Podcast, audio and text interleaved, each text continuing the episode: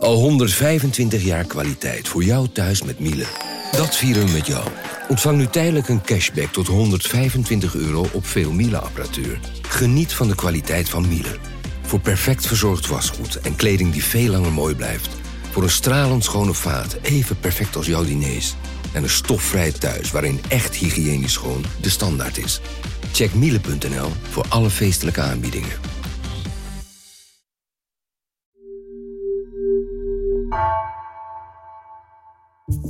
Vanaf de redactie van NRC het verhaal van vandaag. Mijn naam is Gabriella Ader.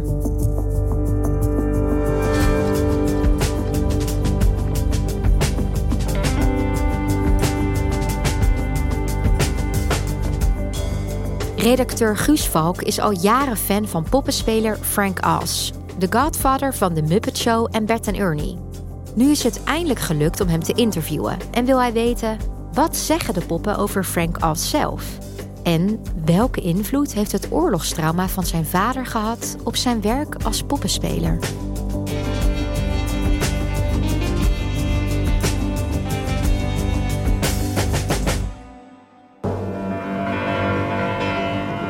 It's the Muppet Show with our special guest star, Miss Rita Moreno.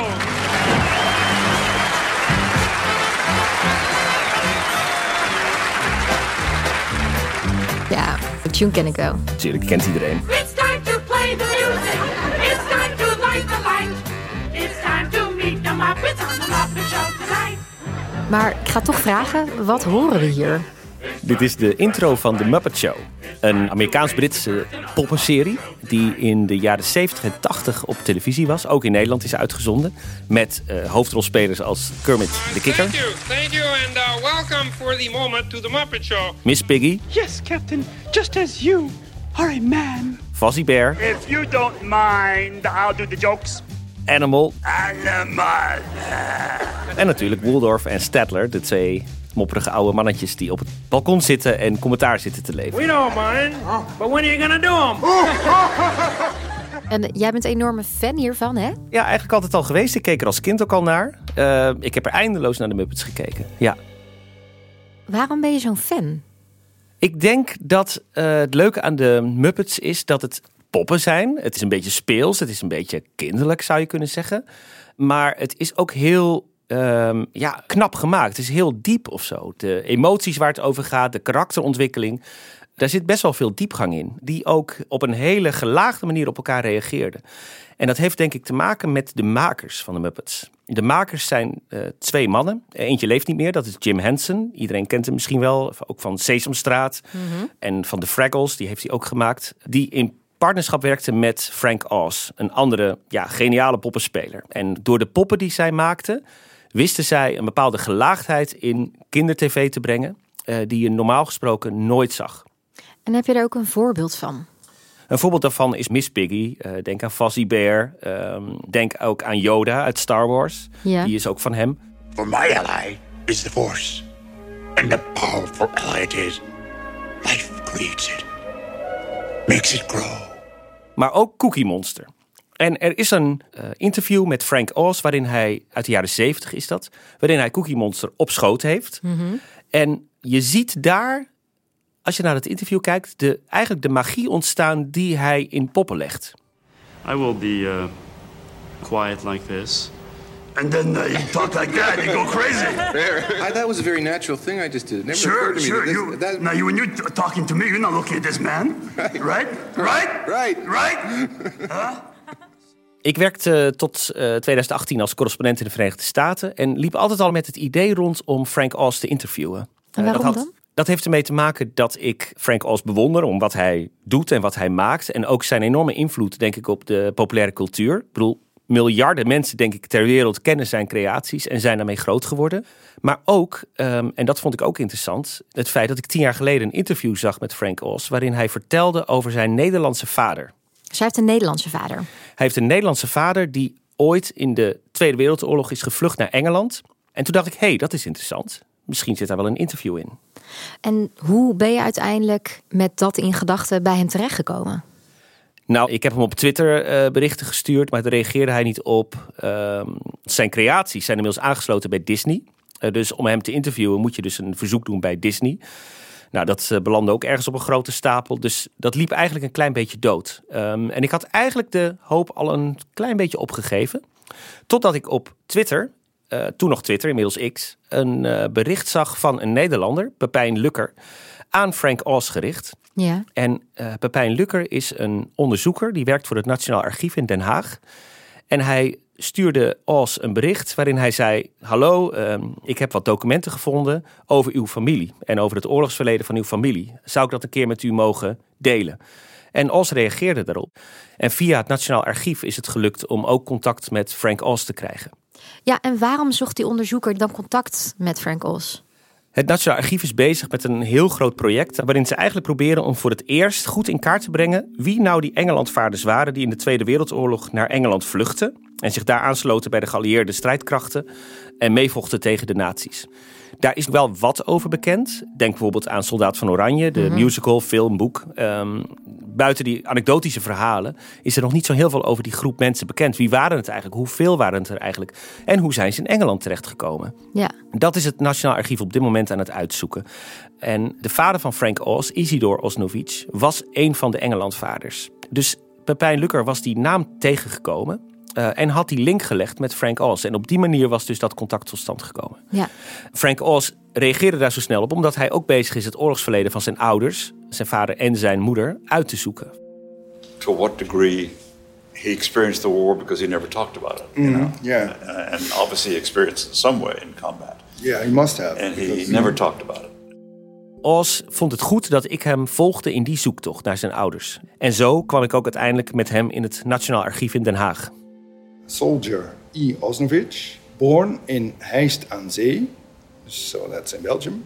Last having lived in Antwerp, she is a Belgian, and in May 1940, she and her husband. En een les, denk ik, die Frank Oz daar leerde in het Nationaal Archief was dat het oorlogsverleden van zijn vader met name, ook zijn moeder, maar vooral zijn vader, ook in grote mate heeft bepaald wie hij als poppenspeler was. Dus het werk dat Oz heeft eh, gemaakt, alle Muppets die hij heeft gemaakt, hebben heel veel te maken met zijn Nederlandse vader en met de Tweede Wereldoorlog. Laten we eens even in die geschiedenis beginnen. Hè. Hoe ziet dat oorlogsverleden van eh, de vader van Frank Oz er nou precies uit? De zoektocht van Frank Oz begon met een pop. Uiteraard. Ja, alles draait om poppen in het leven ja. van Frank Oz. En ook dit verhaal begon met een pop. Want hij vond ooit op zolder bij zijn ouders, die op dat moment in Californië woonden, een pop. En dat was een, eh, niet zomaar een pop, maar dat was overduidelijk een pop van Adolf Hitler. And this was one of the puppets that my father made in my mother costume in order to make fun of Hitler. Oké, best intens zo'n pop. Best wel, inderdaad. Hij vroeg zijn ouders wat dat voor pop was en eh, hoe dat zat. En hij kreeg een soort van hele korte versie van het verhaal te horen. Namelijk dat zij vlak voor de oorlog... Zijn vader en moeder woonden op dat moment in Antwerpen. Hij heeft een Nederlandse vader en een Vlaamse moeder. Daar actief waren als poppenspelers. En de dreiging van Nazi-Duitsland op zich af zagen komen. En in die context een marionettenpop van Hitler hebben gemaakt. Want de pop is lachwekkend. Hè? Het is een karikatuur van Hitler, zou je kunnen zeggen. Met een eh, rechtopstaande eh, rechterarm en een karakteristiek snorretje. En een beetje belachelijk eh, pakje heeft hij aan. De achtergrond is natuurlijk veel ernstiger. En daar heeft Os het niet met zijn vader over gehad. Maar dat zit wel in die pop. Namelijk, zijn vader was een Joodse Nederlander. Die zich grote zorgen maakte over de opkomst van Hitler. En een mogelijke invasie van de Duitsers in België. Dus die pop moet je ook in die context zien. Die vader was op dat moment doodsbenauwd voor Hitler. En in de meidagen van 1940, toen de Duitsers Nederland en België binnenvielen, ehm, werd Antwerpen zwaar gebombardeerd. Eh, Isidor en zijn vrouw Francis woonden aan de buurt van de Antwerpse haven. Die werd zwaar gebombardeerd op dat moment. En zij zijn gevlucht samen. Vlak voordat ze vluchtten zaten ze nog met één probleem.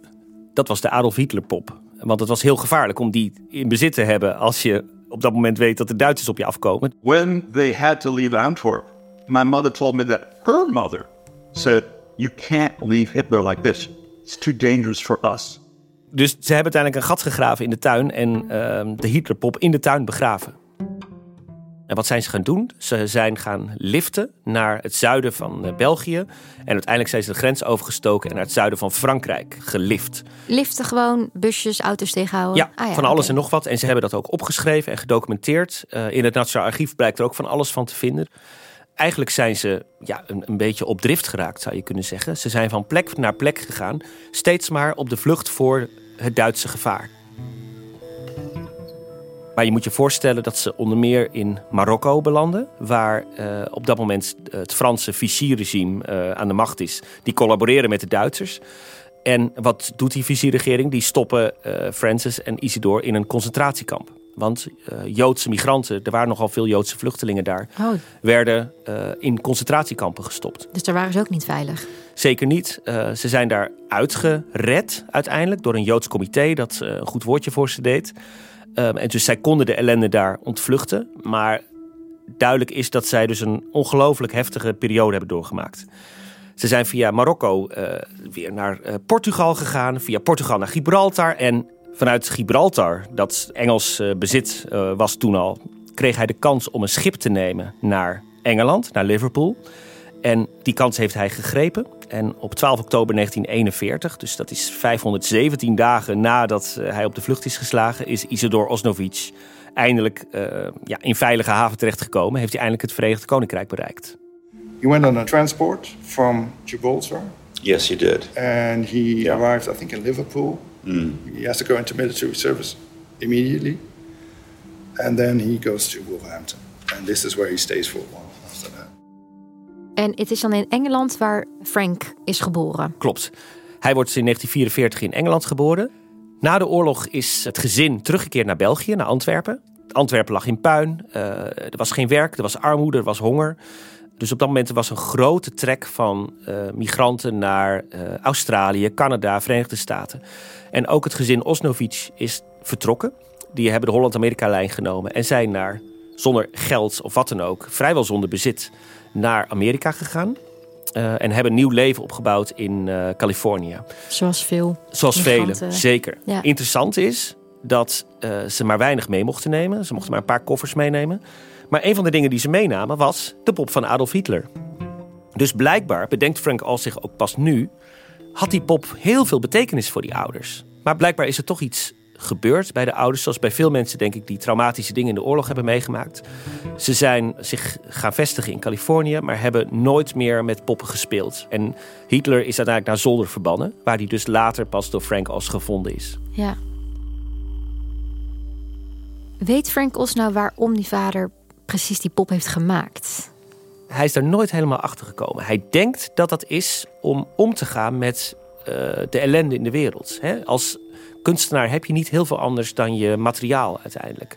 Hè? Een dichter kan een gedicht maken. eh, een poppenspeler kan een pop maken. En op die manier kun je misschien de werkelijkheid een beetje bezweren. Ja. Zo denkt hij, heeft zijn vader gedacht. So, as an entertainer artist, all you can do is the best you can do with what you have. And you're doing the same thing with your, your journalism. That's all you can do. Hoe zie je dan Frank As terug in zijn poppen? Als dat niet te zweverig klinkt hoor. Nou ja, een goede pop, zegt Frank Oz zelf ook, geeft altijd iets prijs van de maker. Well, there's something of me in every character I do. And there's something of you in every character I do. Otherwise, you would not connect to it. They're all parts of me. They're all exaggerated and pushed through a professional manner to be funny, you know? But if they didn't come from a real pure place, there would be no connection.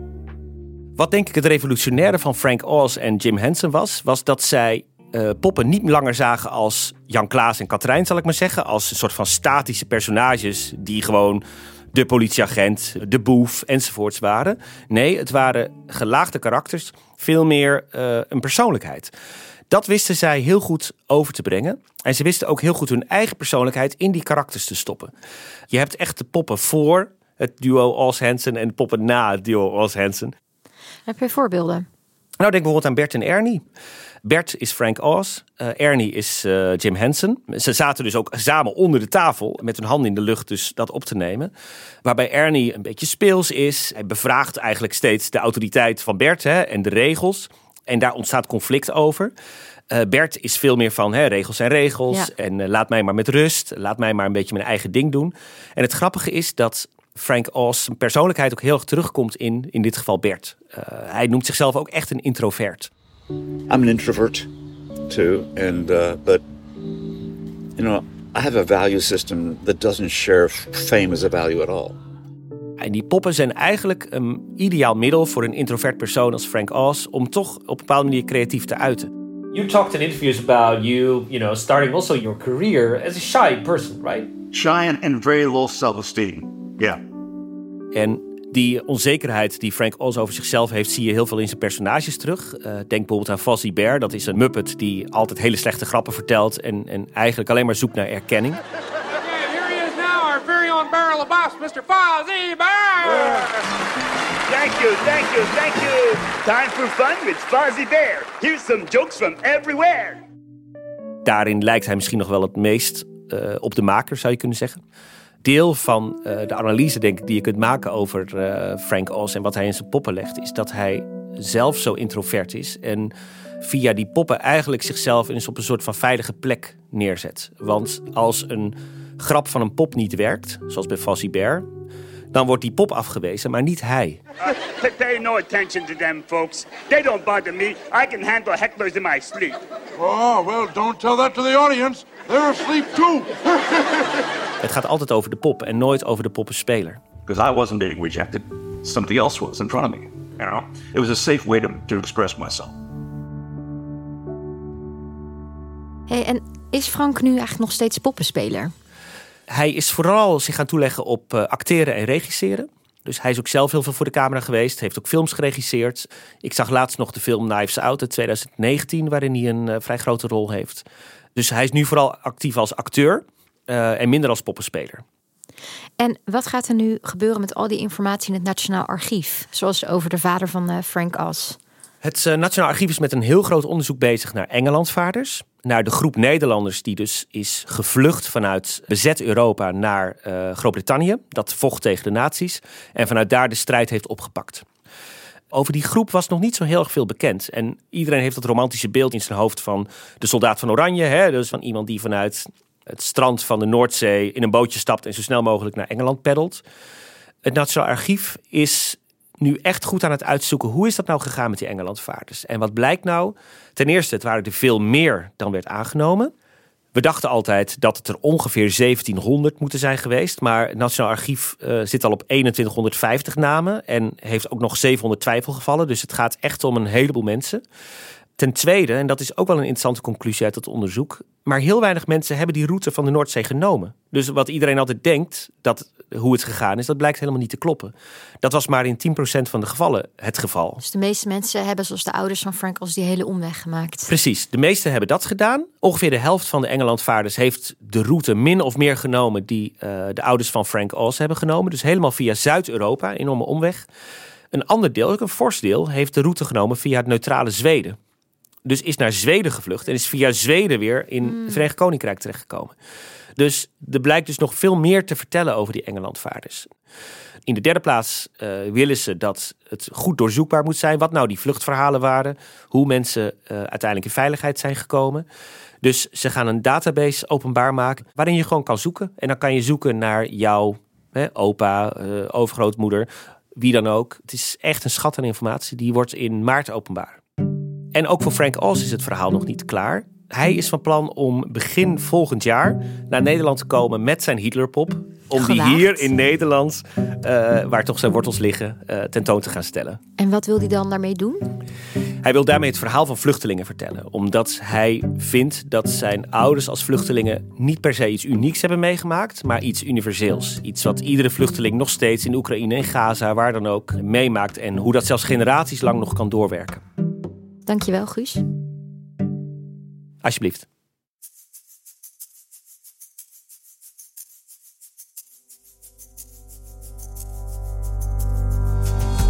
Je luisterde naar vandaag, een podcast van NRC. Eén verhaal, elke dag. Deze aflevering werd gemaakt door Ruben Pest en JP Geersing. Coördinatie Henk Ruigrok van de Werven. Dit was vandaag, maandag weer.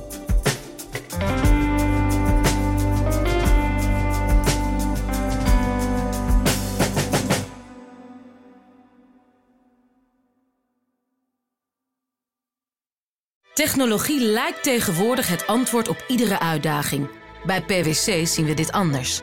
Als we de potentie van technologie willen benutten, kunnen we niet zonder een menselijk perspectief. Human-led, tech-powered noemen we dat. Ga naar pwc.nl.